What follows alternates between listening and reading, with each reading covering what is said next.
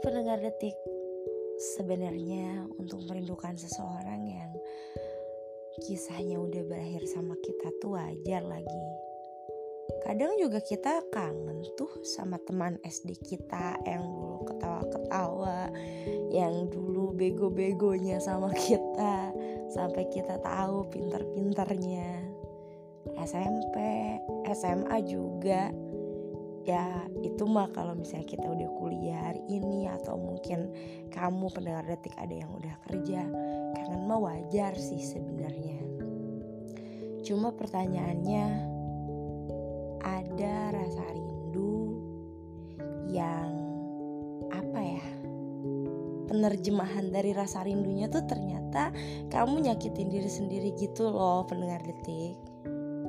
That's bad things. Itu yang jadi soal soal ketika kamu merindukan seseorang dan kamu tahu hasil dari rindu itu tuh bukan sekadar flashback, ngeriwain ingatan-ingatan yang bikin kamu ketawa, yang kalau diceritain bikin kamu bawaannya ya bahagia aja gitu.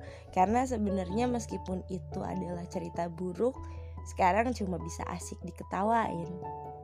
Itu yang jadi penyakit sesuatu yang sebenarnya ketika kamu rindukan malah jadi rasa sakit yang mendalam buat kamunya pendengar detik. Hmm, kalau dibilang lagi ngalamin atau enggak, specifically yes. Sekarang aku merasa lagi berjalan di atas duri Padahal aku punya pilihan buat pakai sepatu tebal atau enggak ya nggak usah jalan di atas duri itu gitu tapi merindukan sesuatu yang berakhir luka di dalam hati sendiri itu sama banget kayak kita udah tahu bahwa ada jalan berduri dan sebenarnya ada jalan yang normal-normal aja. Tapi kita akhirnya memilih untuk telanjang kaki di atas jalan berduri. Padahal kalau masih mau apa ya berjalan di atas yang berduri juga bisa bisa pakai sepatu sandal atau apa aja. Atau yang paling aman pilih jalan yang biasa-biasa aja gitu. Tapi ya entah itu namanya bodoh atau memang kebiasaan aja. Kita kayak masih seru-seruan jalan di atas yang berduri dengan telanjang kaki. Memang tidak berdarah. Memang kelihatannya nggak apa-apa tapi cuma kita yang bisa rasain dan orang-orang kayak cuma menganggap aduh kenapa sih kok masih bisa-bisanya merindukan sesuatu yang tidak patut dirindu karena rasanya hanya membuat seduh? Dan akhirnya cuma bisa overthinking dengerin musik di kamar yang sebenarnya harusnya kalau lagi sedih mah ya kalau bisa dengerin hal lucu kek lagu-lagu yang bikin semangat kek. Tapi kayak makin mendorong diri sendiri untuk makin merasa sedih dengan mendengarkan lagu-lagu yang slow yang dibilangnya menggambarkan hati sendiri. It's too hard to moving right kayak susah banget gitu pindah dari satu perasaan sedih ke perasaan bahagia untuk melakukannya sendiri tuh kayak PR banget. Padahal ya support terbesar adalah diri sendiri.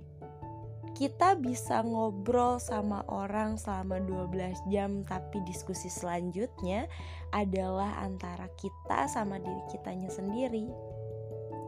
Kalau rindu ini ternyata menikam terus kenapa masih terus menerus kayak apa ya kitanya terbawa gitu sama rindu sendiri terbawa sama rindu yang malah jadi seduh terbawa sama rindu yang padahal aduh aduh aduh aduh udah tahu penyakit tapi terus dicari-cari.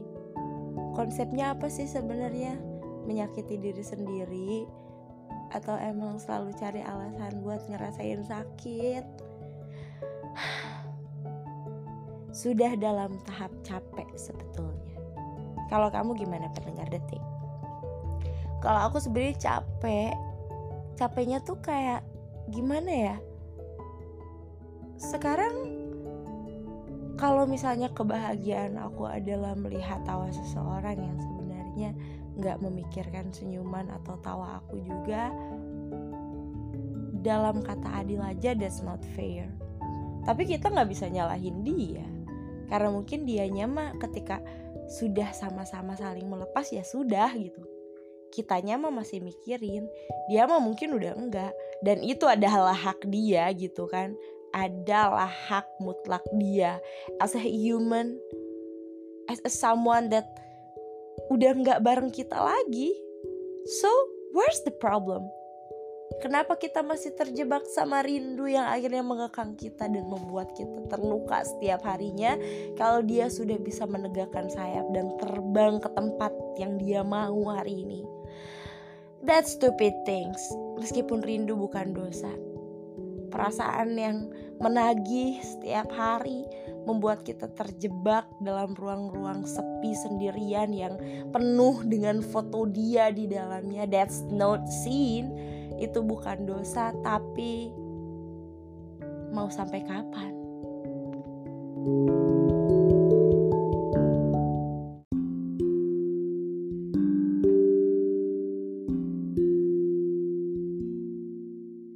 Meskipun ya, meskipun nih pendengar detik, kamu sering kali merasa ya dia orang yang tepat untuk mendapatkan rindu yang warnanya seperti ini gitu. Warna paling indah dalam tipe merindukan seseorang ya dia layak karena dia orang baik, karena dia orang yang sempurna, karena dia orang yang tidak buruk sama sekali. Ya, I feel the same things gitu. Aku juga ngerasa ketika semua orang uh, dar dia tuh nggak layak dirindukan seperti itu kalian salah dia layak jika hari ini ada alasan kenapa kita sudah tidak seperti dulu lagi bukan berarti dia adalah orang yang tidak layak untuk mendapatkan perasaan rindu atau kasih sayang dari orang sekitarnya. Dia layak kok. He is perfectly a good person. Dan mungkin kamu juga pendengar detik punya sosok dia yang seperti itu. Tapi ada yang paling penting, ada yang lebih penting, ada yang sangat penting dibandingkan orang yang layak mendapatkan rindu itu. Ada kamu, aku, orang yang memang lebih layak untuk disayangi sama ya siapa lagi kalau bukan dirimu sendiri. Boleh rindunya di apa ya? Dikurang-kurangin lah Coba sekarang perhatiannya jangan ke dia, tapi ke diri kamu. Diri kamu yang harus bahagia duluan sebelum kamu berpikir buat bahagiain orang lain, bukan? thank you